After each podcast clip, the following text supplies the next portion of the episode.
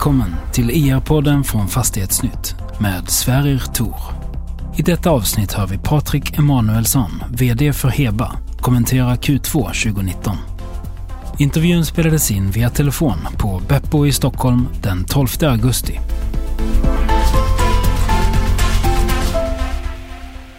Hej Patrik och välkommen till IR-podden. Tack och hej Sverige. Hur är läget? Det är bara bra. Full mm. fart efter sommaren. Ja, jag kan tänka mig det. Ni är ju inte snälla mot er själva när ni släpper rapporten sådär mitt i augusti. Det hade varit roligare att släppa den på våren höll jag på att säga, men innan sommaren. Ja, det är väl roligt oavsett när man släpper den. Om den är bra? Ja, absolut. Nej, men så är det ja. ju. Nu har vi ju valt att göra på det här sättet och har gjort det under, mm. under många år. Så vi är ju inne ett gäng och jobbar här eh, under juli för att få ihop det. Okej, okay, okej.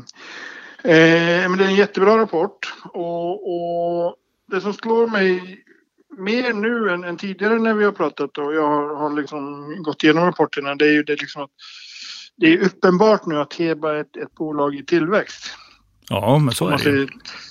Ni är ju nästan ett 10 miljonersbolag nu. Alltså det, det löper ju bara på några miljoner. Ja, det är det ju. Nu har vi ju sålt lite fastigheter här under, under våren så att nu får vi väl jobba på ett tag till innan vi eh, slår 10 miljarders strecket. Mm. Men det, det lär ju hända, känner jag, innan, innan vi ses eller hörs igen i podden. Men det är en sak som är lite intressant i, i det här sammanhanget. Det är ju liksom själva ska man säga, planen för bolagsbygget och sådär. För det är ju det är på något sätt nya tider i Heba. Det är, ni har ju haft en, alltid en ganska låg profil. Jag har tidigare sagt någon, ett tråkigt bolag, men det ska vi inte hålla på med. Men... Nej, vi ändrade ju det till tryggt senast. Precis. Mm. Men om vi säger ett tryggt bolag med låg profil. Man ser ju Hebas namn lite oftare i, i tidningarna och nyheterna och sådär.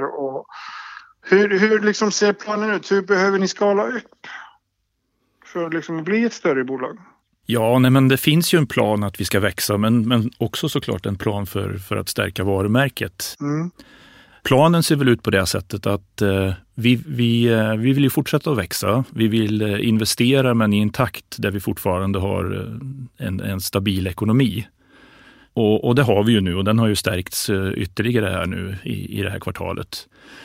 Och sen kan man väl säga då att i den här tillväxtplanen då så för att få lite större utrymme att arbeta så, så har vi ju tagit in fler eh, områden som vi kan verka i. Eh, mm. Och eh, också då sen ett, några år tillbaka så jobbar vi ju med samhällsfastigheter. Eh, och sen eh, kan man säga det tredje i det här, det är ju också att vi långsiktigt jobbar för då också skapa en, en, eh, en egen portfölj där vi kan liksom bygga från, från start då, så att säga. Mm. Så, så det är väl, mm. så ser det väl ut så att säga. Och sen så får det ju ta den tid det tar. Eh, vi har ju liksom ett, en liten verktygslåda med, med lite ramar och det som, som vi använder oss av när vi investerar. Mm. Eh, och när man mm. jobbar med förvärv så kan man ju få jobba med väldigt många olika projekt och väldigt länge innan, innan man får det utfall man vill ha. Så att, så att eh, vi, eh, vi tuggar på. Mm. Den geografiska spridningen har ju ökat också. Ni, ni sträcker er nu från, från Salem i, i söder till, till och Tullinge till, till Norrtälje i norr. Ja. Uh, och, och ja, vi har ju pratat tidigare om Uppsala, både ja. med dig och, och Lennart Karlsson, din företrädare. Mm. Det är inte så mycket, mycket österut, men västerut finns det också möjligheter. Hur, hur ser den planen ut?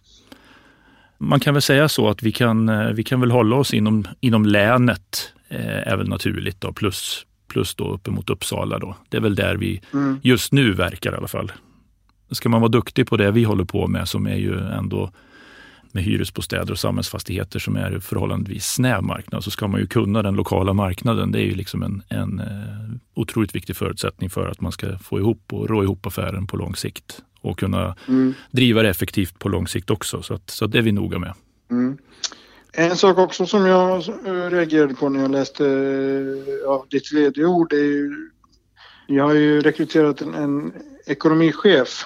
Det innebär inte att ni har liksom sparkat den gamla utan det blir ju en, en CFO, eller hur? Och, och det är ju liksom ett, ett led kan jag tänka mig att organisatoriskt stärka bolaget för liksom tillväxt. Hur, hur ser den planen ut? Kommer ni liksom att rekrytera till flera ledningsgruppsfunktioner eller är det liksom projektledning? Var, var är det ni har trånga sektorer så att säga?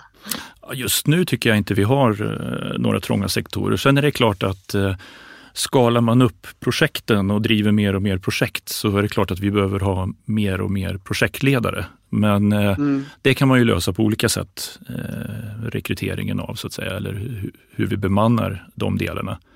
Det här mm. var ju en naturlig utveckling av, av egentligen flera skäl. Då, att vår nuvarande ekonomichef har ju varit med eh, under 20 års period och, och sett till när bolaget har växt organiskt. Och förr eller senare då så, så är det klart, då slår man ju i taket när, när det blir för stort.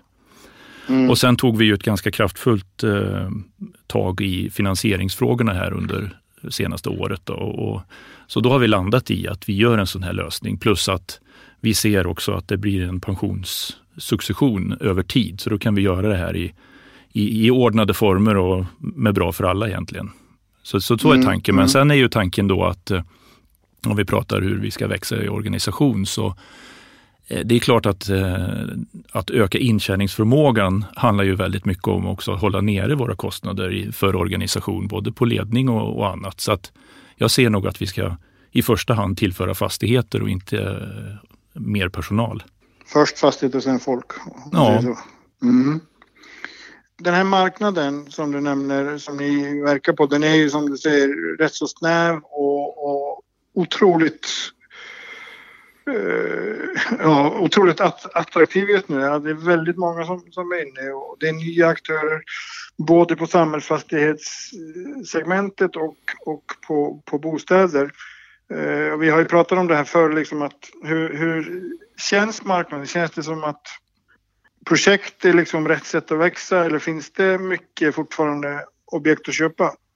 Om man tittar på eh, utfallen av om man söker markanvisningar eh, i förhållande till träffbilden så kommer vi att få jobba med både eh, egna projekt och förvärv.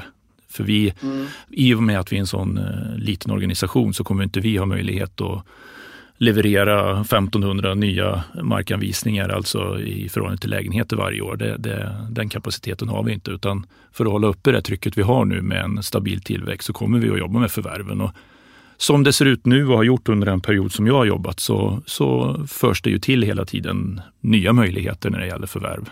Så att mm. det finns väl inget som just nu tyder på något annat än att vi ska kunna fortsätta att jobba med det benet.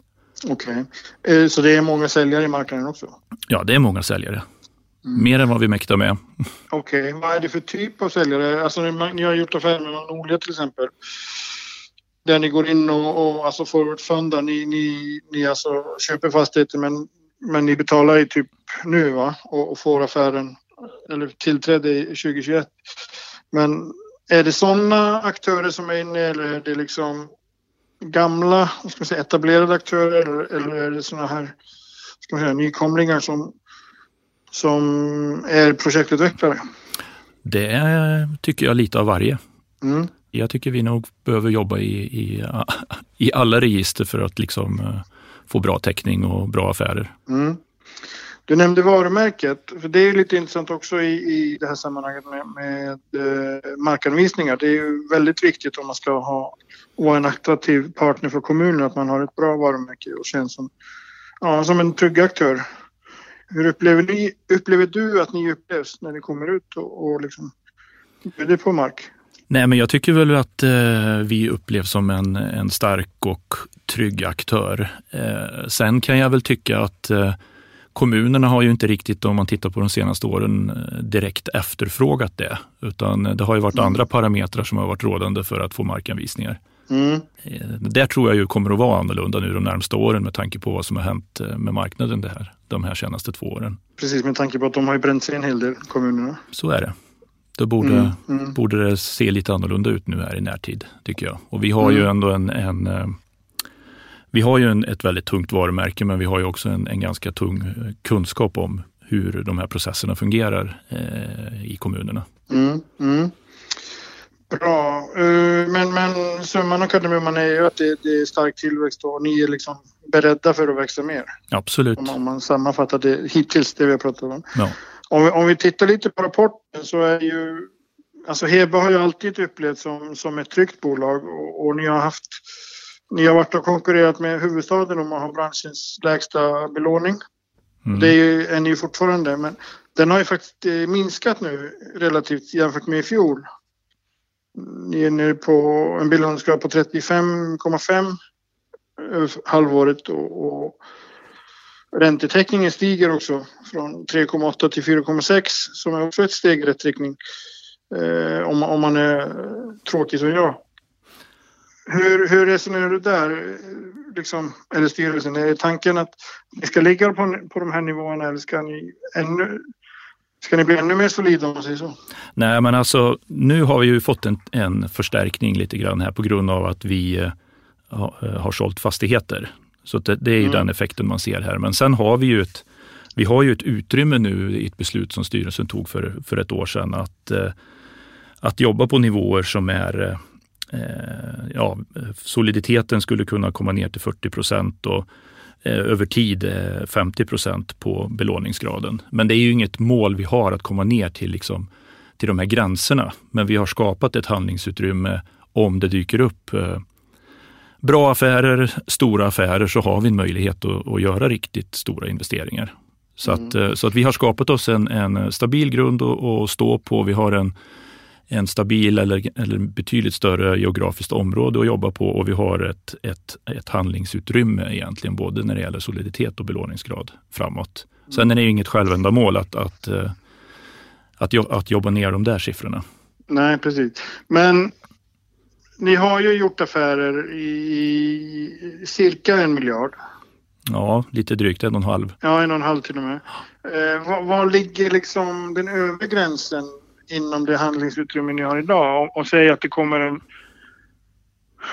Ja, men anta att det kommer en, en väldigt, väldigt bra kvalitativ portfölj med, med ändå eh, möjligheter att liksom förädla säg att den kostar 3 miljarder, är det någonting ni skulle ens titta på eller?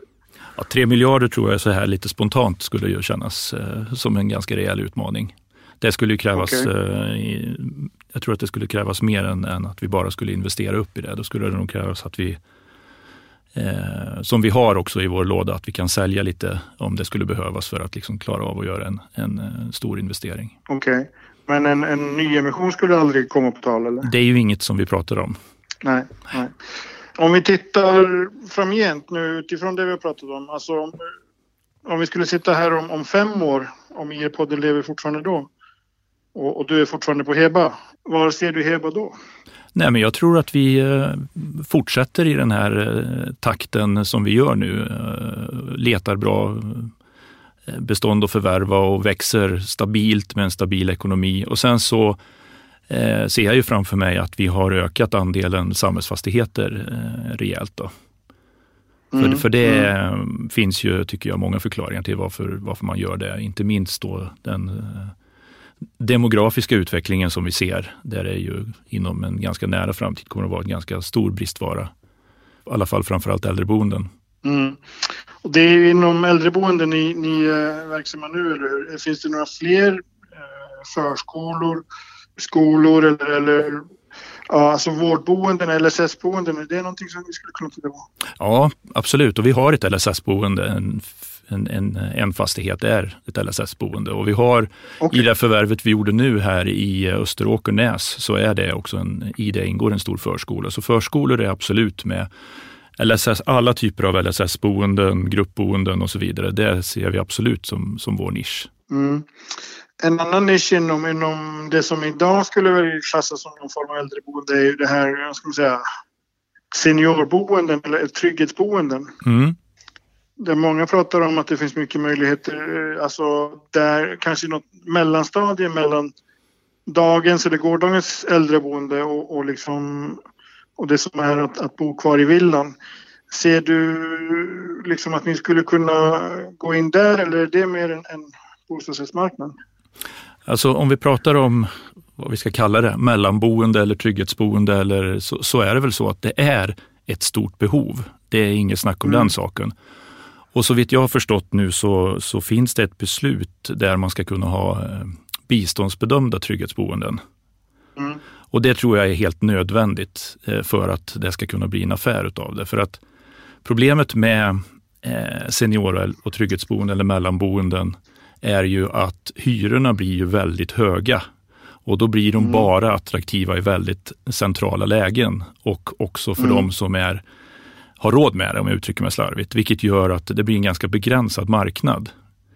Så senior och mm. trygghetsboende, om det är vanliga hyresrätter så att säga, då måste det vara i väldigt centrala lägen eller väldigt exklusiva lägen. Såvida mm. inte det är eh, biståndsbedömda trygghetsboenden, som jag tror absolut det finns ett jättestort behov av. För att det är ett för långt steg mellan att bo i sin egen villa och sen eh, gå till eh, vård och omsorgsboende. Det är ett alldeles för stort steg. Men mm. vi har ju hela inlåsningseffekten av hela bostadsmarknaden som gör att vi får inte det här flödet till de här mellanboendena som man skulle behöva få. Det finns mm. ju stor, många utredningar som visar att man, man ska ju helst flytta när man orkar. För annars så mm. minskar ju eh, din egen levnadskvalitet dramatiskt i takt med att du blir äldre från en viss ålder och framåt. När du bor kvar i ett boende som du egentligen inte mäktar med.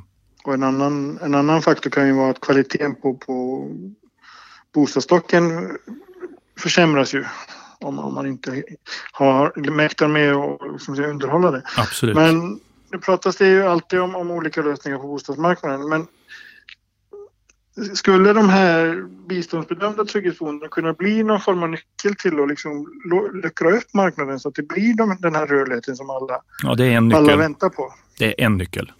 Men det behövs många mm. nycklar för att lösa upp den här mm. bostadsmarknaden. Mm. Eh, Patrik, vi gillar ju båda att prata risker. Mm. Du som vd och jag som journalist. Vilka ser du just nu som de stora riskerna på till exempel för Hebas, Hebas marknad? Vad är det som du tittar mest på och kliar dig i huvudet innan du går och lägger dig? ja, jag tycker fortfarande att eh, med tanke på marknaden så tycker jag ju fortfarande att eh, eh många affärer är för dyra. Det okay. tycker jag är den största risken fortfarande. Och med tanke på den låga räntan så finns det väl en risk att inte man kommer att se någon, någon avmattning eller nedåtgående trend kring, kring kostnader för investeringar eller priset på de affärer man gör. Mm. Räntan känner jag väl inte någon jättestress över. Vi, vi har ju stresstestat det och vet ju vad som händer om det händer det ena eller andra. Men jag tror att räntan kommer också dessutom inte eh, dra iväg speciellt mycket framåt. Om inte det, om inte det händer någonting på global nivå eh, så, så, eh, så ser väl det ut som att vara långsiktigt lågt också. Ja, ja. Eh, då så. Eh, vi hinner inte med så mycket mer idag, mm. men, men det är spännande att följa, följa vad som händer och, och som sagt, det, det händer mycket i Heba och jag tror att vi kommer mycket att prata om nästa gång också. Det hoppas jag också. Stort tack mm. för att du gav dig tid. Tack så mycket.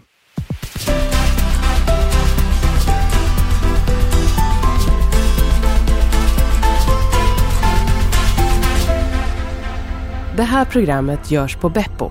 Beppo. Beppo. Beppo.se